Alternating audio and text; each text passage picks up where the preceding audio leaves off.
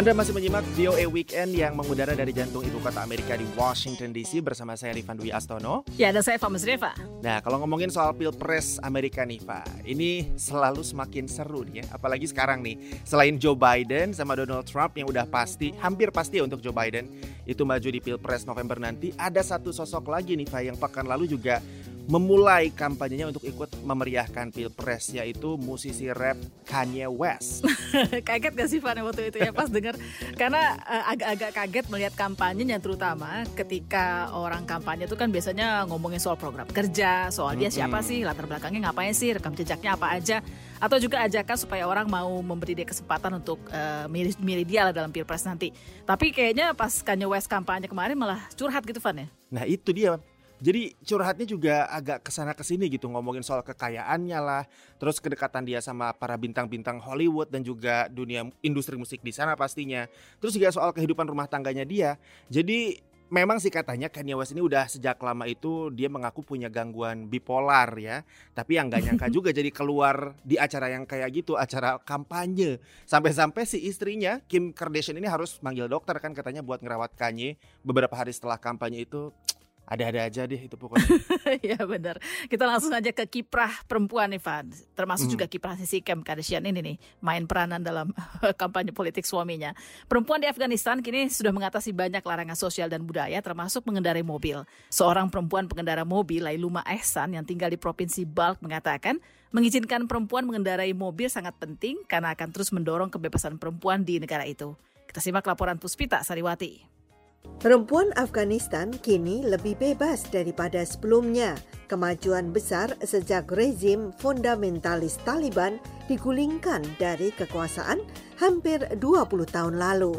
Meskipun perempuan mengemudi sendiri adalah hal biasa di sebagian besar negara, di Afghanistan masih tidak lazim. Tetapi Lailuma Ehsan bertekad akan mengubah hal itu.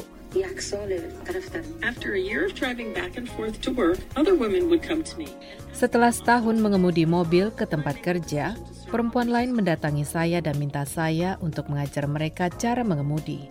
Segera setelah memperoleh surat izin mengemudi atau SIM, ia memutuskan untuk mengajar perempuan lain cara mengemudi.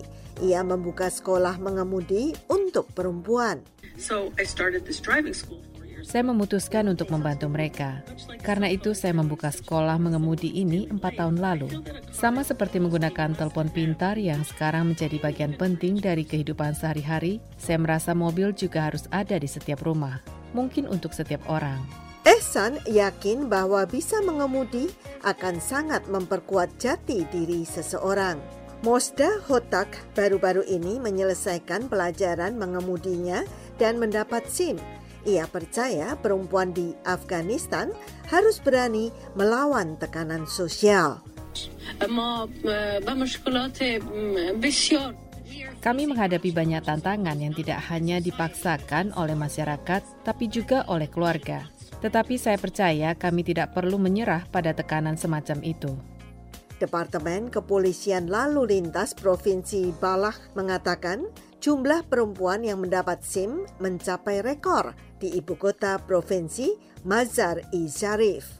Kepala Pusat Pelatihan Lalu Lintas Balak, Abdullah Saadat mengatakan, kami sangat senang melihat di Masari Sarif perempuan bisa belajar mengemudi. Sepanjang tahun ini kami telah mengeluarkan SIM untuk lebih dari 300 siswa perempuan dan 200 lainnya sedang menjalani pelatihan. Meskipun pengemudi perempuan merasa selangkah lebih dekat untuk mandiri, mereka masih sering menghadapi gangguan ketika berada di belakang kemudi. Puspita Sariwati, VOA, Washington.